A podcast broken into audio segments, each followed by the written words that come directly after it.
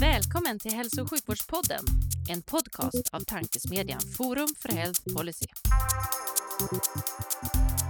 I den här podden möts frågor om hur vi kan få bättre hälsa med frågor om vilken politik som krävs. Det kommer bli samtal om personcentrering, ledarskap, digitalisering, organisation, politik och mycket mer.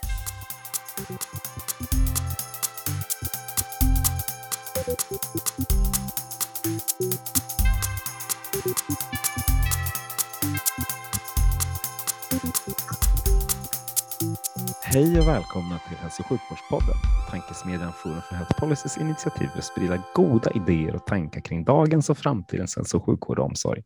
Jag heter Magnus Lejelöw och arbetar till vardags för Colivia, men även styrelseledamot i Forum för Health Policy. Liksom du, Livia. Jajamensan, och precis som vanligt så är jag också styrelseledamot i Forum för Health Policy och policychef på Kry till vardags. Och idag har vi ett specialavsnitt. Eh, vi kommer nämligen inte börja med fakta utan som vanligt, vi kommer att börja med att lyfta fram vinnarna av Forum för Health Policys patientpris. Shit, det är häftigt Livia. Verkligen, superkul. Första podden med eh, patientpristagare. Precis, och ja, vi vet ju det att det är en tuff jury som har, har enats om någonting och vinnarna i år eh, kommer från Orust och Capio. Eh, varmt välkomna till podden. Tackar, tackar. Tack snälla. Stort tack. Ni, ni, har ju annonserat stort och vitt och brett utanför det här forumet, så ni vet ju om att det är det och ni där utanför vet också om det. Men, men vilka är ni då? Vem i rummet vill börja? Vi har nämligen tre i rummet på andra sidan här. Ja, men det blir jag som börjar. Jag heter Robert Häger och jobbar som fysioterapeut på Capio Orust sedan dryga sex år tillbaka. Och eh, nu sedan ett par år tillbaka så jobbar jag tillsammans med Eva här mycket inriktat mot just astma och framförallt KOL. Ska vi gå över till Eva då kanske? Ja, jag heter Eva Liljekvist och jobbar här som astma KOL-sjuksköterska på Capio Orust. Och jag började här eh, på vårdcentralen eh, 2016 på sommaren. Eh, men jag har ju varit med några år så att eh, det blir ju 45 plus på mig i sjukvården. Wow! Nu har vi erfarenhet att prata med här Livia. Det Verkligen. Det här, nu, jag har redan eh, följdfrågor bara på det. Vi går vidare. Ja, ni, vill, ni vill inte veta vad jag gjorde i min i ungdom, men jag har träffat många patienter och nu försöker vi verka här för våra svårast sjuka patienter och, och försöker få med dem på tåget. Och frågan vad Eva gjorde i sin ungdom kommer sen, det kan vi lova. men vi har en tredje, en tredje gäst i rummet också. Ja, jag heter Johan Ellegård. Jag är eh, chef för Capios verksamheter här på Orust och jag har hört hela Evas historia vad hon gjorde i sin ungdom. Jag tror inte att det passar sig för detta forum. Eh, men som ni kanske förstår också då så, så eftersom vi både har med en fysio och en sköterska så har vi både rehab och vårdcentral som vi bedriver här då. Eh, sen har jag också ett regionalt uppdrag. Jag sitter med i samordningsrådet primärvård här i VGR. Eh, så det är väl vi tre. Mm. Ja, kan man väl säga. Ja. Men vi kan väl också berätta att vi har ett eh, regionalt uppdrag. Ja, men det kan vi väl också passa på att göra. Det både jag och Eva sitter med i det regionala processteamet för just KOL här i Västra Götaland. Och där sitter jag med som koordinator och jag som ledamot. Kul! Och I den här podden tidigare så har vi haft alla olika perspektiv. Vi har både haft sköterskor och vi har haft fysioterapeuter och vi har haft chefer och vi har haft läkare och så, här. så vi, vi, har täckt in alla enskilda perspektiv, men inte i samma rum på det här sättet. Det känns väldigt spännande att få prata om, om teamets betydelse. Ja, vi fick ju eh, lite frågan så här, hur många kommer ni vara med ifrån Orust då när vi ska spela in så här och sa vi kan inte vara färre än tre. För att det är just, det är just teamarbetet och det som är liksom i centrum för oss och, och väldigt viktigt. Och, eh, det tänker jag att vi gärna pratar väldigt mycket om i detta avsnitt i alla fall. Ja, men det är och det, för patienten så är det, är det ju teamet som, som betyder något, så, så det är inget konstigt. Men man måste ju börja efter sånt här med, med, frågan hur känns det? Annars hade vi inte varit en riktig podd om vi inte hade vågat klämma ur oss sportfrågan. Hur känns det? Börja. Jag tror Eva kommer att börja. Nej. hon, hon kollade på mig och sa börja du. Så, nej, men hur det känns, det är fantastiskt eller om man ska använda ordet mäktigt på något sätt. Är väl egentligen där jag landar det, jag blev överrumplad av Johan i mitten på förra veckan när jag fick reda på detta. Så det, det känns mäktigt och skitroligt och framförallt då när det är, kommer från patienterna eller från en patient så är det ju det som känns allra roligast. Det är det som betyder något. Ja, jag är ödmjuk. Eh, det är inte alltid jag är det, men i detta fallet är jag det. Eh, och vårt fokus från första dag, vi har ju alltid pratat om det när vi är ute och pratar om vårt teamarbete, att vi vill att patienten ska vara i fokus i vårt team. Och att eh, det är väldigt svårt att börja ett teamarbete och starta upp det. Och hur man gör då, det är ju egentligen att man börjar med en, en patient. Och någonstans är det ju mäktigt då att få ett patientpris för att då är det ju verkligen sant att en patient kan göra skillnad. Jag är framförallt oerhört stolt att få vara med er på detta. Jag eh, vet ju liksom eh, hur hela den här resan har varit och framförallt att det har varit ett par ganska besvärliga år för, ja, för hela vår, eller för vården i stort. Men, men det här är ju en väldigt eh, en patientgrupp som är väldigt sjuk, som haft svårt att ta sig till vårdcentralen och ni har varit tvungna, eller vi tillsammans har varit tvungna att hitta nya sätt att bedriva den här vården. Så vi har liksom hade en jättefin astma KOL-mottagning som var baserad eh, på liksom teamarbete tidigare. Eh, och nu så potentierar vi liksom det med, med lite andra eh, eh delar såsom eh, digital vård och eh, eh, patientinstruktionsfilmer och sådär. Så det blir jäkla bra faktiskt. Eh, så jag är jättestolt och glad för det. Eh, och precis som ni säger att det är, det är ett patientpris. Det är liksom den går ju inte att lura sig till riktigt. Det är ju, det är ju på riktigt. Nej, precis. Och det är också det som, som gjorde att eh, Forum ville komma igång med det här priset. Vi är ganska bra på att ge varandra priser i mm. vården.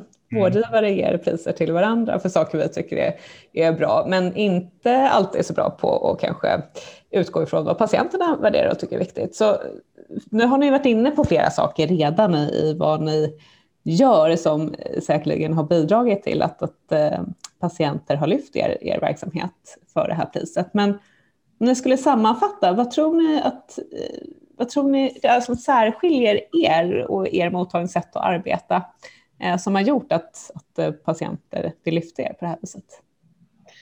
Jag tror ju spontant att nyckeln är just det här team, den teambaserade vården på något sätt att vi har flera yrkeskategorier och flera professioner som jobbar med ett gemensamt mål och att vi lägger då stort fokus på att det är patienten eller då personen som ska vara i centrum.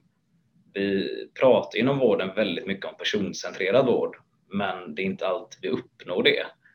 Och här tror jag att nyckeln just är att vi har astma vi har fysioterapeut, arbetsterapeut, dietist, kurator och läkare. Att vi har alla de här kategorierna med i teamet för att få patienten att känna sig sedd och på det sättet få en trygghet i sin sjukdom.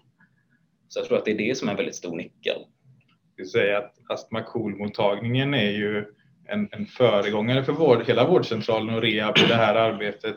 Och det är så att vi arbetar så i stort också med alla våra mottagningar och hela våra patientgrupper och vi jobbar som jag sagt då väldigt eh, teambaserat och vi försöker alltid att hitta eh, rätt person hjälper eller liksom, eh, patienten vidare på bästa sättet.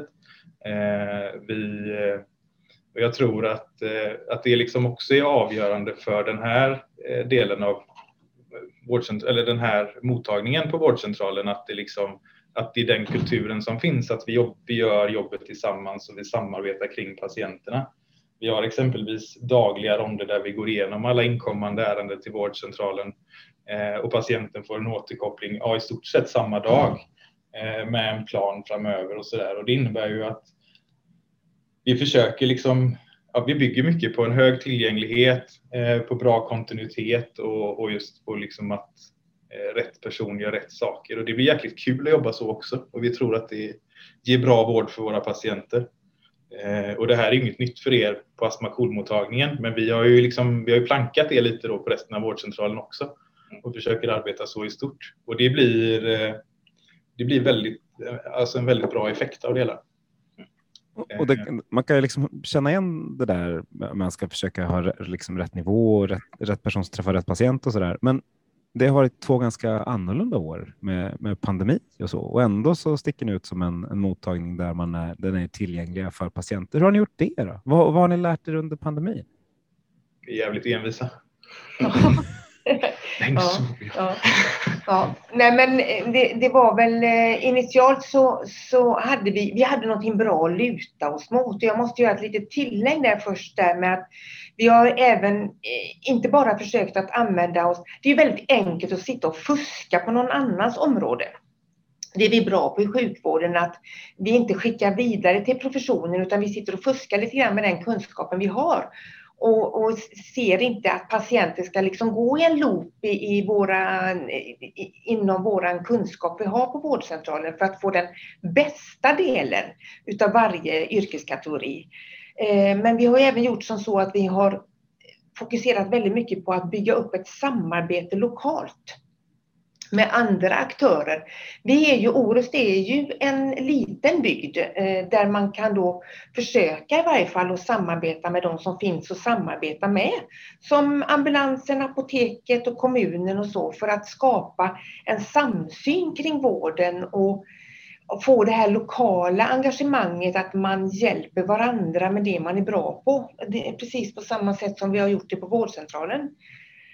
Och sedan så vad gjorde vi som var specifikt under pandemin? Ja, eh, vi hade ju detta att luta oss på, att vi hade kunskap som hade, vi hade delat med oss till våra kollegor både i kommunen och på apotek och i, på ambulansverksamheten. Så att alla, vi pratade om samma sak. Det måste jag säga, det var en viktig faktor. Och sedan så har vi ju även detta att eh, vi hade ju digitala verktyg som vi hade möjlighet att skapa i början av pandemin. Vi gjorde utbildningsfilmer. Vi kanske inte hade haft möjlighet att göra dessa. För det var Riksförbundet Hjärt-Lung som eh, bad oss att eh, göra eh, små korta instruktionsfilmer som patienterna hade möjlighet att titta på när de kom hem och försökte göra verkstad av den vården vi hade försökt att beskriva för dem. Så det var ju en väldigt viktig del tycker jag som vi hade första året. Men man, man, kan väl spinna vidare lite på det som Eva sa, att vi hade en ganska bra grund att luta oss mot.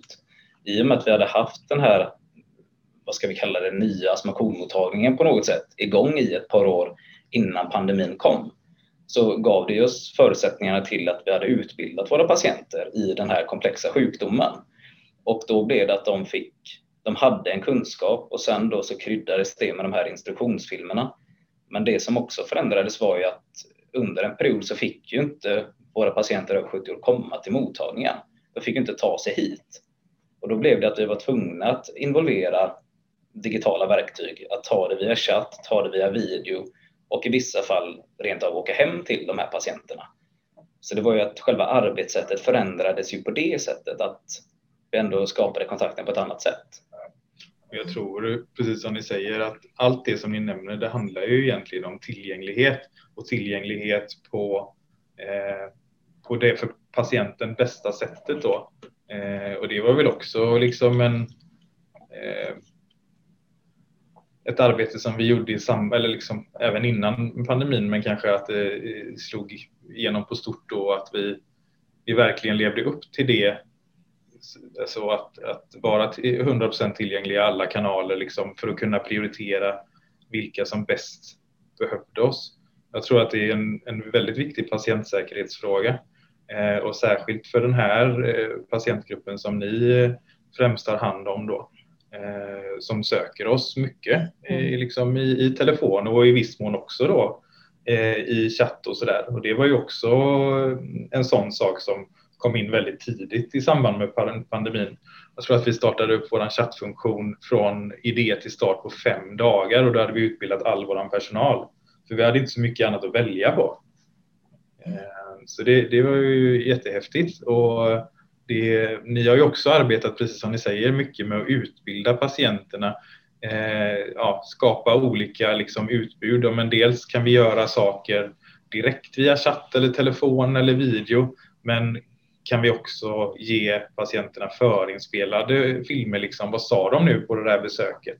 Kan jag kolla igen? Så att det finns liksom ett väldigt stort utbud och allting passar ju inte alla, men kanske något. Då. Mm. Så det tror jag... vi, vi, vi har ju också försökt när vi har, när vi har haft den här vi har haft KOL-skola då till exempel, Riksförbundet hjärt-lungs eh, KOL-skola. Och då när vi har suttit där tillsammans och utbildat patienterna vid flera tillfällen, då skapar man ju en samsyn även i teamet så man får samma vokabulär. Man rör sig med samma ord. Den här patientgruppen är inte någon grupp som man säger ta detta pillret på morgonen och sen blir det bra ett dygn framöver, utan de måste ha väldigt mycket kunskap kring sin sjukdom för att kunna hjälpa sig själva. Och då, om alla då, eller alla kan man inte säga, men om man i möjligaste mån säger samma sak och tänker på samma sätt och har samma utgångspunkt eh, Eh, och ser utifrån patienten, vad behöver den här patienten vi har framför oss nu för kunskap och vidareutveckling och vad det nu kan vara och hjälp. Eh, då, mm, det, det, jag tror att det är en del i det, teamets styrka. Jo, men jag håller helt med och det är väl lite som, som du var inne på det Johan, att den här tillgängligheten skapar en trygghet för patienten. Men på samma sätt hur vi kommunicerar med personen framför oss skapar också en väldigt stor trygghet beroende på vad vi använder för ord och hur vi pratar med personen.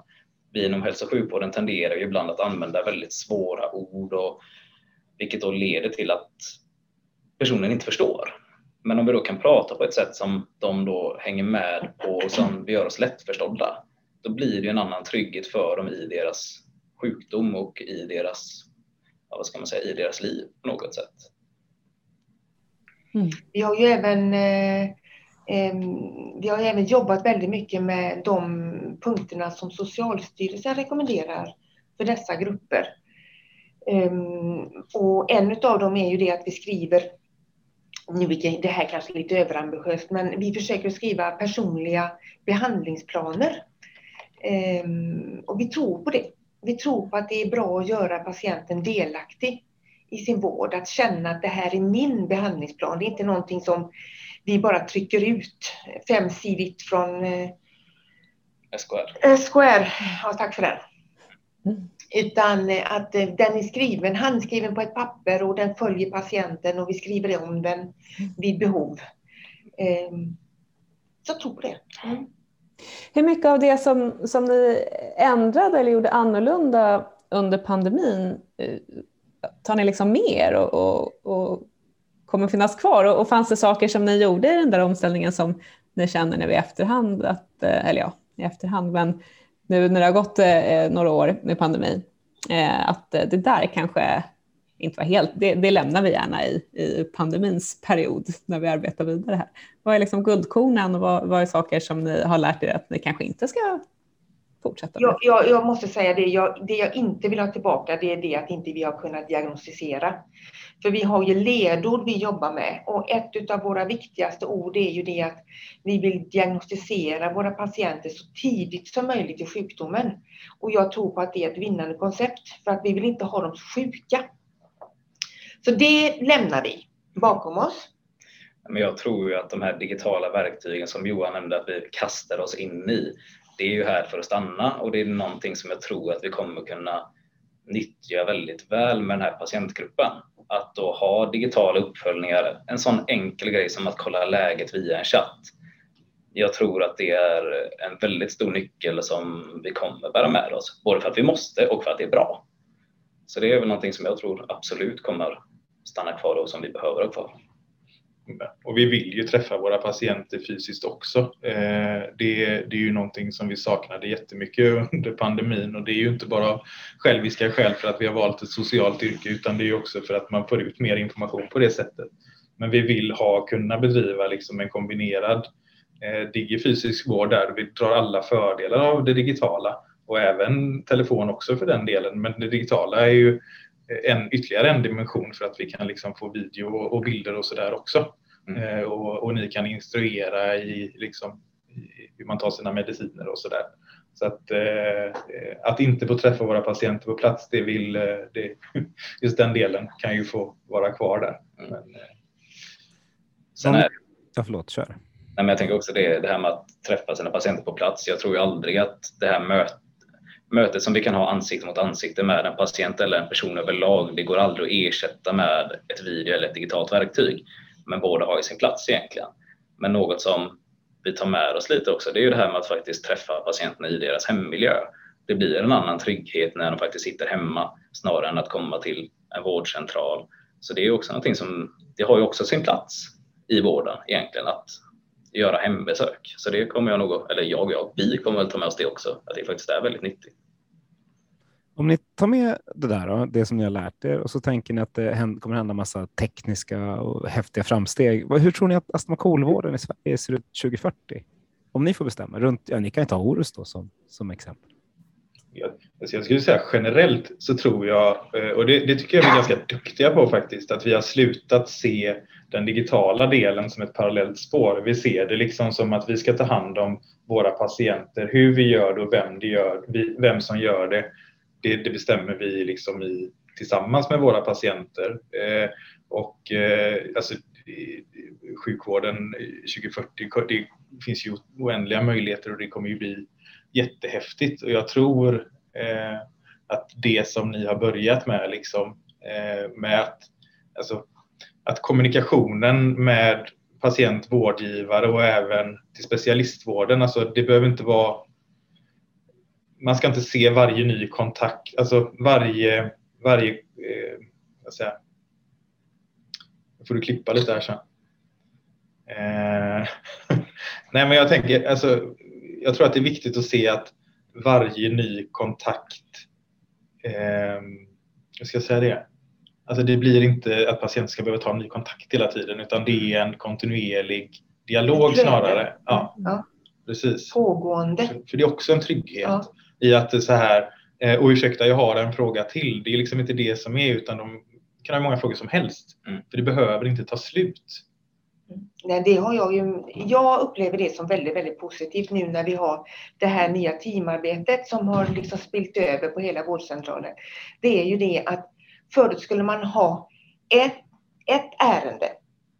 Nu eh, är det patienten kan ha hur många ärenden som helst när den söker utan jag bara förmedlar frågan till rätt yrkeskategori. Så att jag svarar på det jag är bra på och sen förmedlar jag det vidare, alltså skickar vidare chatten till den som kan svara bäst på det. Och då blir det ju inte det att det, det blir liksom en kedja av personer som ger den bästa vården till patienten i det mötet. Eh, och, alltså det är så här, och vad som är lite häftigt är också det att vi har ju alltså haft möjlighet att börja med den, den ska vi säga, svåraste patient, eller mest samsjukliga patientgruppen som vi har på vårdcentralen. Vi har ju, om man tittar på Orust lite grann utifrån geografin så kan vi, brukar vi säga det att det är ju både en tätort nära till Göteborg men ändå är det en Norrlandskommun med alla sina öar. Så att vi behöver verkligen hela tiden utnyttja systemen som finns för att nå patienterna som behöver oss som bäst. Mm. Och jag tror också att det som, vi, eh, som går in lite i det hela och vart sjukvården kommer vara om x antal år. Vi går ju väldigt mycket in mot det här med egen monitorering och att man ska ha koll på sin egen sjukdom. Och det kan man ju tänka sig på olika sätt att vi ska ha en massa häftiga och flashiga digitala apparater som ska hjälpa oss. Men jag tror också att mycket på det är ju att man får kunskap om sin sjukdomsbild. Att man lär sig vad innebär det att ha kroniskt obstruktiv lungsjukdom? Vad kan jag göra? När behöver jag söka vård? Och vilken person är det jag bör träffa? Det är en sån grej att vi kommer behöva utbilda våra patienter betydligt mycket mer. Och det kommer också leda till att de får en större trygghet och att det är just det som är nyckeln. Vi såg ju väldigt mycket det när vi har pratat med våra patienter, eh, hur det kommer sig att nu plötsligt så tar de sina mediciner så bra när de har gått i våran loop i teamet. Och då säger de det att när de har fått ökad kunskap om sin sjukdom och vad medicinen gör för dem och hur de ska hantera sin kapacitet och vad de ska göra med sin, med sin eh, samsjuklighet och, och eh, de ska försöka hushålla med sina krafter och sådant, då blir de automatiskt mer följsamma i sin behandling för de vill inte vara dåliga. De vill ju göra det bästa men de har inte haft den kompetensen. Utan vi har ju suttit på den och kanske inte varit så duktiga på att eh, dela med oss av det. Mm kul att höra också att ni svarar på frågorna som ett lag, ett team. Det är verkligen, när du känner dig lite osäker, då kom, fyllde de andra in. Vi behöver inte klippa mm. någonting. Ja, det är bra. när vi kör den här podden i vanliga fall brukar vi ställa några, fyra stycken standardfrågor som vi ställer till alla. Lite som Olof Lund kör en faktaruta om ni lyssnar på fotbollspoddar. Och en av frågorna vi ställer till alla är berätta din finaste patientanekdot. Eh, och nu när vi har, liksom, pratar om patientpriset så tänkte vi att ja, men vi kanske kan fråga er om er finaste patientanekdot. Eh, och vem som helst får börja. Jag tänker nog på eh, patienten som, eh, som eh, gjorde så att detta började. Jag känner det att det är inte alltid den, den finaste patientanekdoten som ger det bästa responsen utan det kanske är den som står där och kräver bra vård som blir eh, den som man, som man kommer ihåg. Eller förstår ni hur jag tänker? Mm. Eh, vi har ju den här, jag började ju här 2016 och Tyvärr så hade astmakolmottagningen inte haft någon astmakolsjuksköterska på lång tid. Och jag insåg ju när jag kom in här på mottagningen att Eh, jag klar, kommer inte klar, kunna klara av detta ensam för att det var så sjuka patienter som vi hade. Eh, och då var det ju den här patienten som, eh, som krävde god vård. Och på något sätt var det ju det som gjorde att jag kände att detta kan jag inte göra själv. Utan då fick jag ju krafsa fram den här kunskapen jag hade lärt mig på högskolan. Att man ska jobba med det man är bra på själv. Så att då fick jag ju skapa ett bra team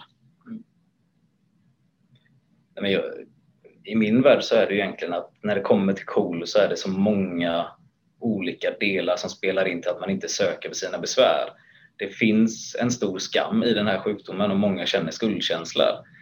Vilket gör att många inte söker vård när de upplever besvär. Och vi gjorde ju en insats för ett par år sedan där vi hade målsättningen att vi skulle då hitta fler patienter med KOL. Vi ville att de skulle få sin diagnos så tidigt som möjligt i deras sjukdomsförlopp. Vilket då resulterade i att vi hittade ett helt gäng när vi gjorde en insats av det. Och då var det en person där som egentligen aldrig hade reflekterat över att han hade besvär utan skyllde på att det var ålder eller att alla hostar på morgonen. Det är fullt rimligt att ha slem i min ålder och så vidare. Och så resulterade det i att den här personen då fick rätt behandling, både vad gäller medicin, men träning och andra typer av råd. Vilket gjorde att den här personen kunde ta upp sin hobby med att väva mattor igen. Och det, det, det är en sån där fantastisk grej att den då kunde återta en stor glädje i sitt liv genom att den fick rätt hjälp och behandling. Du menar hon som brukar slänga, göra slängpussar till oss i korridoren när hon mm. ser oss? Mm. Gör alla patienter det eller? Slängpussar alltså? Kanske till Eva men inte så många till mig. Jag tänker, mitt jobb är ju egentligen mest att understödja så att eh, ni har möjlighet att göra ert eh, jobb så att säga.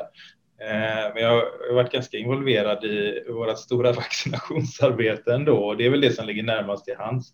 Jag upplever att eh, vi har verkligen kavlat upp ärmarna liksom och, och ansträngt oss och gjort ett eh, fantastiskt jobb kring det och det har också funnits en väldigt stor tacksamhet Eh, i befolkningen liksom utifrån den insatsen. Och, eh, men ska man ta ett exempel så är det nog när vi åkt ut till någon av våra bilfria öar och vaccinerat där då. Många människor som inte har lämnat eh, ön på kanske upp mot ett år liksom i väntan på vaccinet och det, det upplevde jag var en jättestor tacksamhet och då, då, då kände man liksom att eh, vi fyllde vårt syfte på ett fint sätt.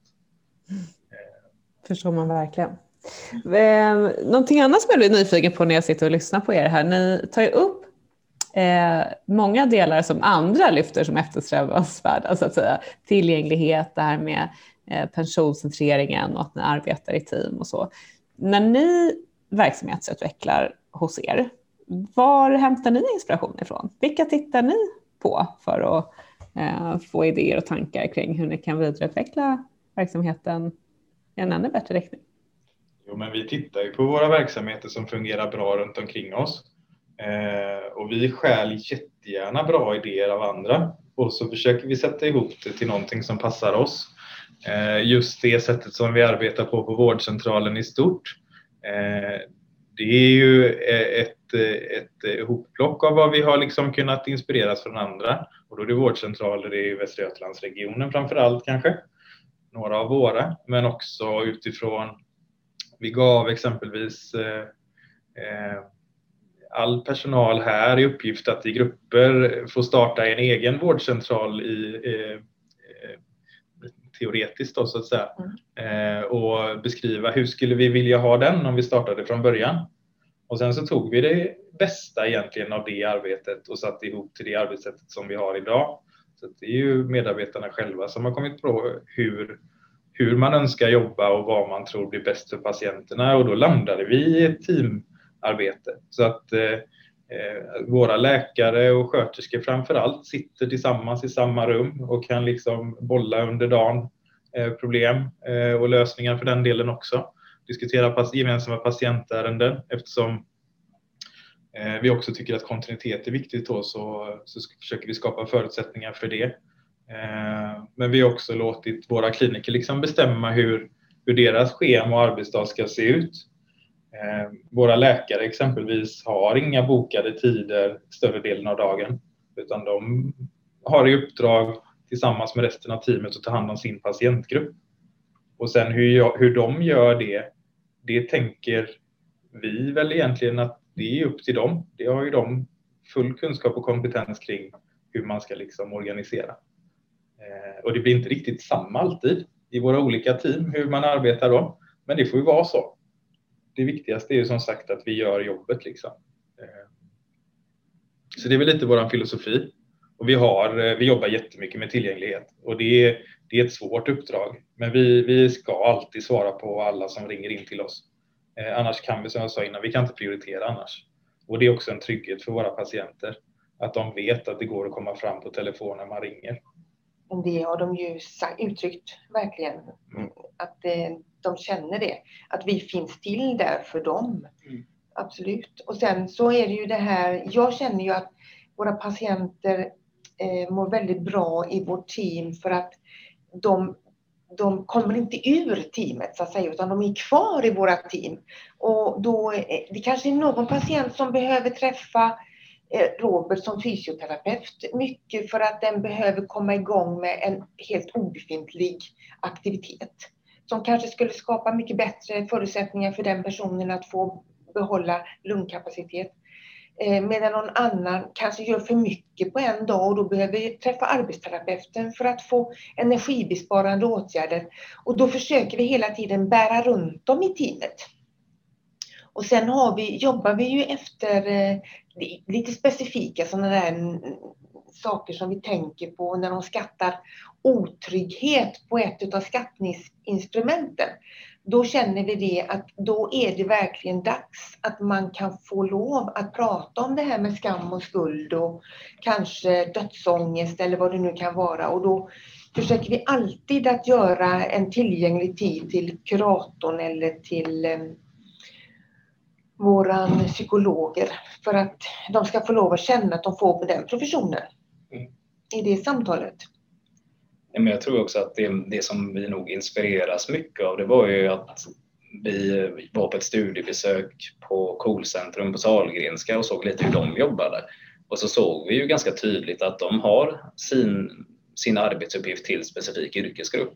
Att de träffar astma och sen fysioterapeuten, arbetsterapeuten och så vidare. Och det var väl någonstans där som vi märkte att vi vill jobba på ett ungefär liknande sätt. Att det ska vara att jag kopplas in när jag ska kopplas in och arbetsterapeuten likaså och astmasjuksköterskan. Så att man ser på något sätt utifrån patientens behov.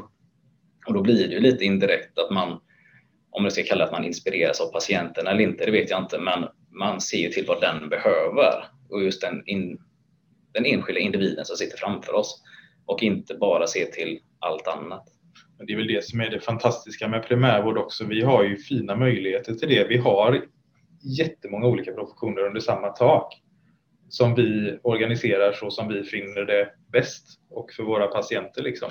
Så att vi, vi kan ju liksom, ja, funkar det inte på ett sätt så kan vi testa ett annat med en annan profession och liksom eh, så. så att det, det är väl vår, alltså vi har ju jättestora utmaningar också eh, alltid och hela tiden men, men vi, just det här är ju saker som vi gör bra och har förutsättningar för att göra bra.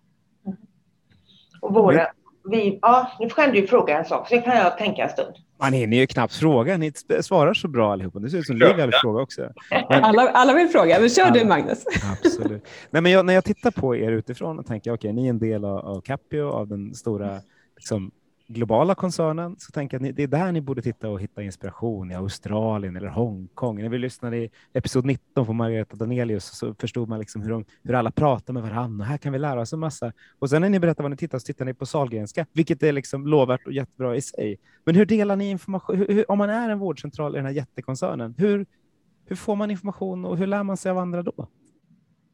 Men jag tror att eh det är viktigt att ha eh, respekt för att vi alla har väldigt olika uppdrag och har eh, olika eh, förutsättningar. förutsättningar ja. precis. Mm. Eh, vi är på en ö med sju mil till akutmottagningen.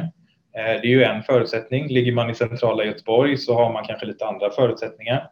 Men samtidigt så har vi ett bra nätverk längst ut på öarna där de är vana vid att hjälpa varandra. Ja, absolut. Ja. Mm. Men inom organisationen så, så delar vi ju mycket och goda exempel. Jag tycker att vi är eh, synnerligen duktiga på det liksom att lyfta fram, kanske på ett annat sätt än vad jag har sett i andra organisationer. Då.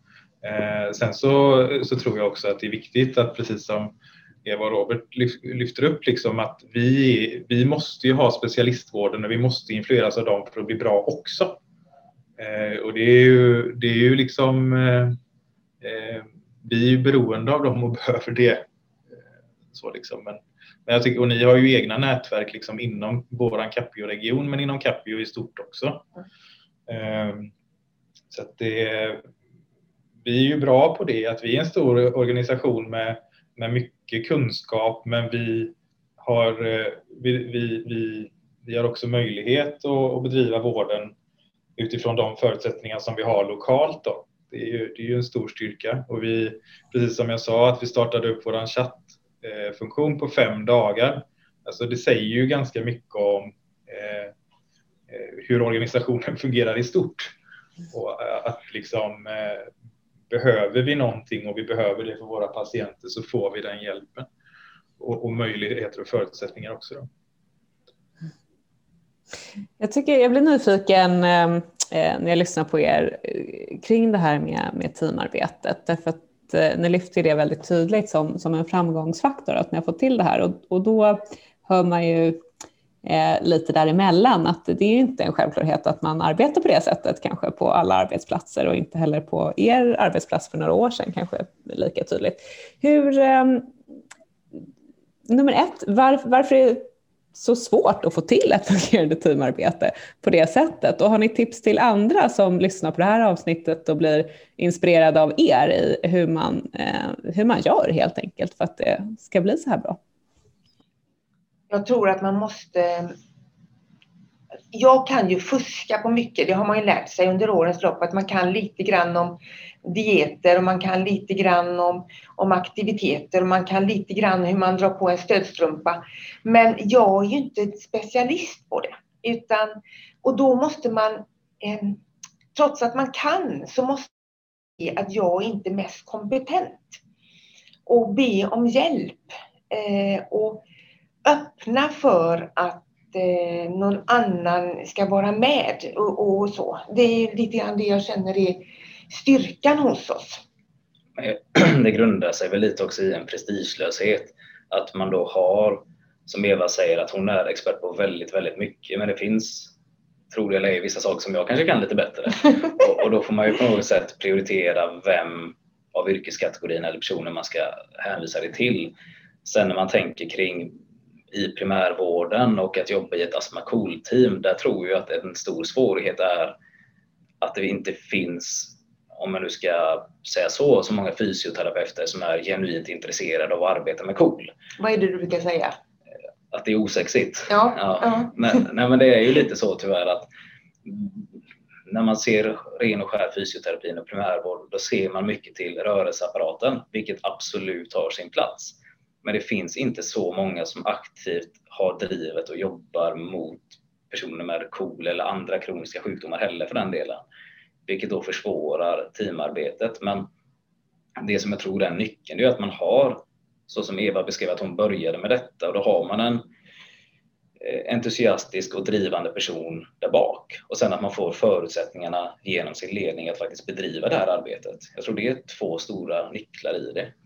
Sen är det kunskap. Ju mer man kan om någonting desto mer roligt, spännande, entusiasmerande blir det. För man känner ju då att kunskapen ger ju möjlighet att hjälpa. Och varför har vi det här yrket om inte vi vill försöka hjälpa människor i Mm. någon situation? Men det är väl också så att vi många gånger fast i gamla arbetssätt och det är ju en stor portion kultur också som man ibland behöver ifrågasätta och stampa lite på.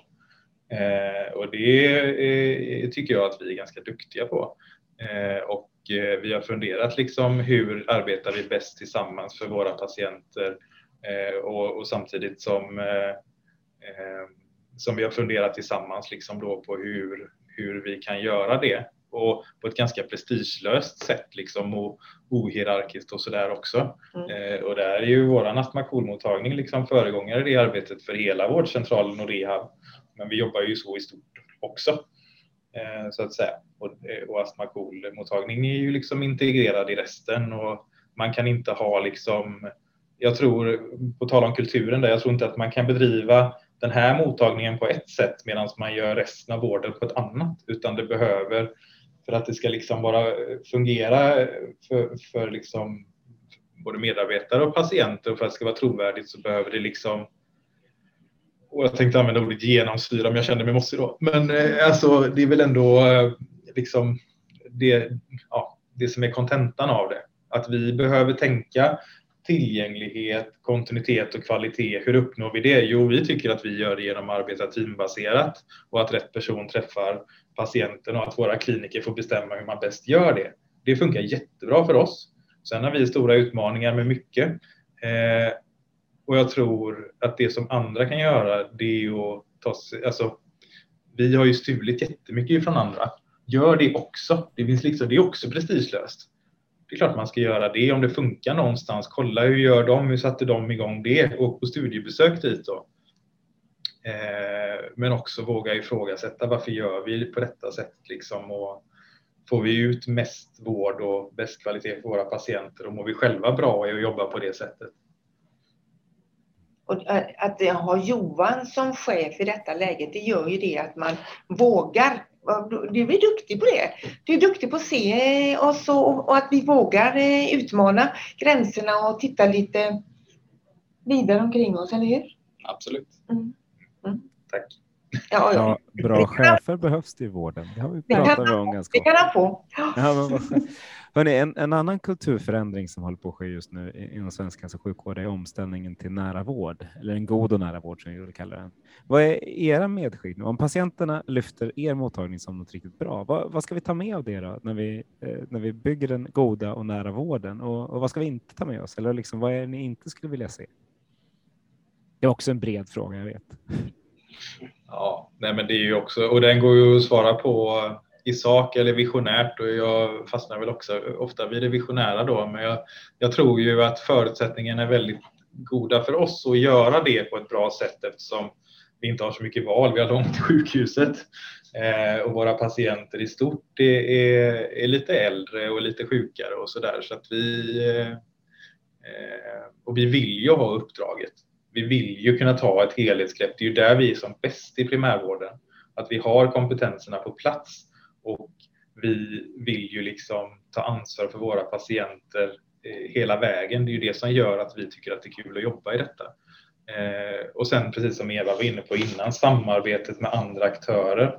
Eh, kommunen som vi verkar i eh, och vi vet ju, både vi och kommunen, att vi är väldigt beroende av varandra. Vi måste kunna samarbeta på ett bra sätt och vi gör det på ett väldigt bra sätt. Och där har ju ni också lyckats jättebra liksom, eh, med med utbildningsmässigt liksom och hjälpa varandra och så. Vi delar ju liksom mycket patienter. Mm. Om vi ska ta ett litet exempel då så kan man ju tänka som så att våra mediciner som våra patienter får, de är ju inte bara att stoppa i munnen och svälja och sen är det klart, utan det är ju frågan om att eh, det, det, är olika inhalatorer och det är olika mediciner och ska tas vid olika tidpunkter och man ska förbereda sig och allting sånt. Och då är det ju så att då är det väldigt bra att ha apoteket med sig på banan till exempel och att de kan eh, ge information när de lämnar ut medicinen att vi försöker i det lilla att se till att de här dyrbara medicinerna som jag får höra emellanåt eh, hamnar på rätt plats så att säga så att inte det bara slänger massa pengar i sjön. Inte från mig va? Nej, Nej. Ja, det är väl någon annan som säger det va? Ja. Men det är ju musik det du säger nu för det är där vi vill ha dem. Läkemedlen ska hamna på rätt ställe. Ja, precis. Och de ska inte vara i någon fisk eller så, utan de ska vara där de gör nytta. Eh, och då, då känner jag det att då är det jätteviktigt att vi har eh, de här aktörerna som är runt omkring eh, oss som, som hjälper oss så att vi... Eh, du var med på Apotekets APT förra veckan? För ja, förra. det var det. Ja. Och sen har jag bokat tid nu med ambulansen igen för vi måste ha en uppföljning nu för det var så länge sedan, det var innan corona. Så att vi får ha en uppföljning där.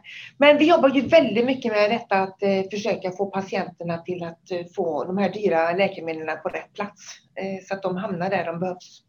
Mm. mm. Du var inne lite grann på det här med ledarskap eh, och vikten av att eh, ha bra ledarskap lokalt. Men eh, någon, något annat som vi brukar, vi brukar fråga eh, våra gäster lite grann om, om ledarskap i vården, lite bredare mm. också. Eh, vad, liksom, från era perspektiv, kanske lite olika perspektiv också, vad tycker ni utgör ett bra ledarskap för att kunna ha utrymme att vidareutveckla vården. Och då tänker jag liksom både lokalt på, hos er på vårdcentralen men också hela vägen upp till liksom, den politiska regionstyrelsen. Ska jag svara på det? Alltså jag känner ju så här att jag har ju pratat med Margareta eh, då. Eh, våran chefläkare. Våran chefsläkare eh, personligen. Eh, jag har pratat med andra eh, chefer i, inom Capio och Johan eh, jag vet inte om du har något emot det, men, eh, men jag kan ju, har ju fått lov att bolla. Vad säger du om det Johan? Jo, men jag tänker om jag säger att det ska vara prestigelöst och ohierarkiskt så måste det ju vara det för mina medarbetare också. Alltså jag ser liksom ingen eh, mening med att hålla liksom en linjestruktur bara för sakens skull utan eh, jag behövde hjälp. Ja, men du behövde ju hämta kunskap ja. ifrån rätt källa. Eh, så är det och jag tror, jag tror framför allt att det handlar, för ledarskap för mig handlar ju om att liksom, ja, vi, vi, måste liksom vara tillräckligt modiga för att lyssna på dem som är närmast patienten och så mycket av besluten ska hamna där. Och då eh, liksom, eh, ja, jag återkommer till det, men jag tror att det handlar liksom om att, eh, att lägga ansvaret för för vården där också, men att ge också befogenhet att göra det på något sätt. Mm. Hur vill jag lägga upp min dag? Hur, hur, hur, hur finner jag det bäst att arbeta? Liksom, vad funkar för min patientgrupp? Och hur funkar det tillsammans med mina kollegor? Men det är ju också, eh, ja, det handlar ju liksom om att våga eh, släppa kontrollen lite som, som chef och ledare. Jag hade en av mina tidigare chefer som råkade säga att allt som inte är förbjudet är tillåtet. Eh, och det har jag hållit stenhårt på. Skitbra. Mm, ja, bra uttryckt faktiskt. Ja, jag tänkte säga precis detta. Jag upplever att Johans ledarskap här som vi har fått eh, till oss när han började är tillåtande och stödjande. Det var de två orden jag ville eh, säga. Sen vet jag inte om, om vad Nej, men man kan väl också säga att jag och Eva mejlbombade Johan med 100 mejl innan han skulle börja här. För att innan ja. ja. För att informera om våran astmakonmottagning. Så han var förberedd. Men det är också, jag tror att det blir ju att man är prestigelös och lyhörd som ledare eller chef. Det, jag tror att det är det som är viktigt att bedriva bra hälso och sjukvård och att man då lyssnar på jag, jag egentligen bara repeterar det Johan säger, för jag håller med. Att då vi som ändå träffar patienterna vet relativt ofta hur vi bör och vill arbeta. Sen måste jag få lov att säga detta med det ni frågade om hur det är att jobba tillsammans i en sån här organisation så måste jag säga det att jag tycker att det är fantastiskt att få sitta tillsammans med till exempel Robert vid en patients sida och, och få hjälp av en kollega i det mötet, patientmötet och, och se det som en tillgång på vårdcentralen istället för att sitta ensam som specialist. För att då, då kan man ju hjälpa varandra, eh, stödja varandra och ge den bästa vården till våra patienter. Och I de här mötena så ska man ju försöka göra detta så ofta och så bra som möjligt. Och det har ju varit ett vinnande koncept för oss. Mm. Mm. Ett annat eh, område som vi brukar vara lite nyfikna på, som ni ju har eh, exemplifierat eh, i ert arbetssätt, inte minst här under pandemin, med att ta till nya verktyg och, och nya arbetssätt och så. Det är eh, er bild av, liksom, om man tittar på svensk hälso och sjukvård brett eller primärvård specifikt, eh, hur ser ni på vår förmåga att liksom, ta till oss och sprida nya arbetssätt eller innovationer i, i hälso och sjukvården? Under pandemin så var det väldigt mycket som hände, men liksom, överlag så, vad, vad är våra styrkor och vad skulle vi kunna bli lite bättre på vad gäller vidareutveckling av verksamheterna? jag har varit alldeles för länge i den här branschen för att eh, eh, alltså jag har ju gjort mycket sådana här saker som, som inte någon har gjort förut, men det kan vi ta i en annan podd. Men jag känner väl att eh, ja, alltså jag gillar ju, får man slå att säga, jag gillar Capio. Det är inte så stelbent. Får man lov att säga så? Det får man absolut säga. Jag gillar det. Mm. Det är inte så långa beslutsvägar och det är inte så mycket som sitter i vägen. Mm. Tänker... Upplever du att det kan vara så? Du som sagt har ju en, en eh, lång eh, erfarenhet bakom dig ja. Eh, inom, inom detta. Upplever du att det är så i andra delar av, av hälso och sjukvården att det kan vara lite stelbent och, och svårt att få igenom nya idéer och arbetssätt och, och så? Ja, det kändes det lite ledande. Ja, jag kände det när jag sa det. Det här är en ledande fråga. Det svåra svaret på den frågan blev ja, kan vi väl säga då. Eh, eh, så är det. Eh, och det är inte, det, alltså jag bara tänker på den eh, nu är vi ju långt borta, men ädelreformen som genomfördes och, och, då skulle man spara massa pengar och den som skulle spara dessa pengarna, då sa hon upp hela administrationen för det var den summan som skulle sparas.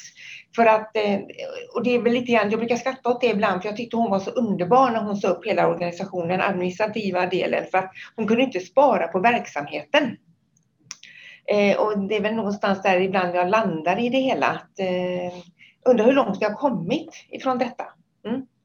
Jag tänker att vi har ett ansvar att sprida goda exempel, alltså på de, via de medier som finns, alltså eh, sociala medier, men också annat så som ni gör med, med föreläsningar och, eh, och den biten också. Ja, det gör vi ju. Vi är ute och föreläser väldigt, väldigt mycket och då så ber vi dem som lyssnar på oss att skäl allt vi pratar och allt vi har gjort och genomfört och så, för man behöver ju inte uppfinna det fantastiska hjulet igen. Mm. Men och sen så, precis som vi varit inne på, man behöver vara liksom ödmjuk och ha respekt för att förutsättningarna är inte samma överallt, så man kan behöva korrigera och Eh, vi har liksom säkert massor att lära av andra också och kan göra saker och ting bättre. Men, men, eh... men det har vi ju haft förmånen att få lov att göra när vi varit ute och föreläst också, för vi har ju fått respons och då har ju folk, eller de som har lyssnat på oss, kommit med idéer och tankar och det har vi ju kunnat implementera i det vi gör. Så att det har ju varit väldigt givande mm. för oss. Jo, men det, det tror jag. Sen har man ju så som primärvården ser ut och i framförallt Västra Götaland så som Johan säger är det ju väldigt olika. Att vissa vårdcentraler är helt separerade från sin rehmottagning. De är inte ens i samma lokaler eller under samma tak, vilket då försvårar att arbeta i ett team med inte, ja, interprofessionell samverkan. Men det som är nyckeln, det är ju att man ska vara prestigelös även där, både som givare och tagare. Att man vågar presentera sitt arbete och sprida det vidare på samma sätt som om det är någon som är ett ännu bättre exempel så ska man ju suga till sig det. Och inom, om vi fortsätter på Capio-spåret, så har vi olika nätverk för olika fokusgrupper att jobba med. Och det är ju också en stor nyckel. Mm. Hörrni, nu har vi snart pratat en timme. Det är häftigt hur snabbt tiden går när man har ett, ett intressant samtal.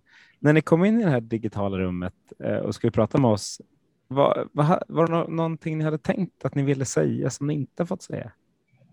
Eller är det något annat ni vill lyfta som slutord? Det, det, jag vill ju att fler fysioterapeuter ska vara med KOL. Kan jag få fram det i ett till forum så är jag jättenöjd. Det är det jag tänker. Mm. Men jag tror att, eh, precis som du säger inne på, liksom, om man inte vet riktigt hur man ska ta sig an den här patientgruppen och kanske inte riktigt vet nu då, om man ändå får säga post pandemi, ja men sätt professionerna i ett rum och låt dem fundera själva då. Vad är liksom det bästa vägen framåt för oss hur hjälper vi patienterna på bästa sätt. Vi kommer ligga efter med spirometrier som i detta fallet då. Men hur gör vi ändå så att patienterna blir får bra vård och känner sig trygga. Liksom. Eh, så det är väl medskicket då och det kan ju appliceras på lämplig patientgrupp. Det är väl liksom inte bara här. Nej. Vi tänker ju så i stort. Och sen så lättare för, för oss att, eh, att ta del av vad specialistvård och eh, kommun har gjort för våra patienter. Alltså vi har ju olika eh, journalsystem och sånt så vi kan ju inte följa vården och det tror ju våra patienter att vi kan. Så det här är ju okunskap så att säga som sätter stopp för väldigt mycket av vår verksamhet. Det okunskap varit... eller dåliga system? Ja, alltså, ja, förlåt mig, jag kanske ska säga det är skitmätt. Det skulle varit ett system från början. Men det hade ju gjort, underlättat fantastiskt om det var patienten som liksom ägde sin, sin vård. Det hade jag velat. Det hade varit underbart om man var en del utav den. Det Livia plockar vi som avslutningsord, för det, det vill vi verkligen att patienten ska få äga sin egen vård. Men då skulle jag vilja tacka, tacka Johan, Robert och Eva för ett jätteintressant samtal. Grattis återigen till priset, eller grattis till patienterna som får, får hänga med er och er som får hänga med patienterna. Ja, men det är eh. fantastiskt. Vi är så glada. Mm. Bra. Och tack Livia för återigen för en bra sparringpartner. Eh, då tackar ni som lyssnat på Forum för Health Policies hälso och sjukvårdspodd. Nu går vi ut och förändrar svenska sjukvård till bättre med teamarbete som ledord. Tänker jag. Låter super. Tack. Yeah.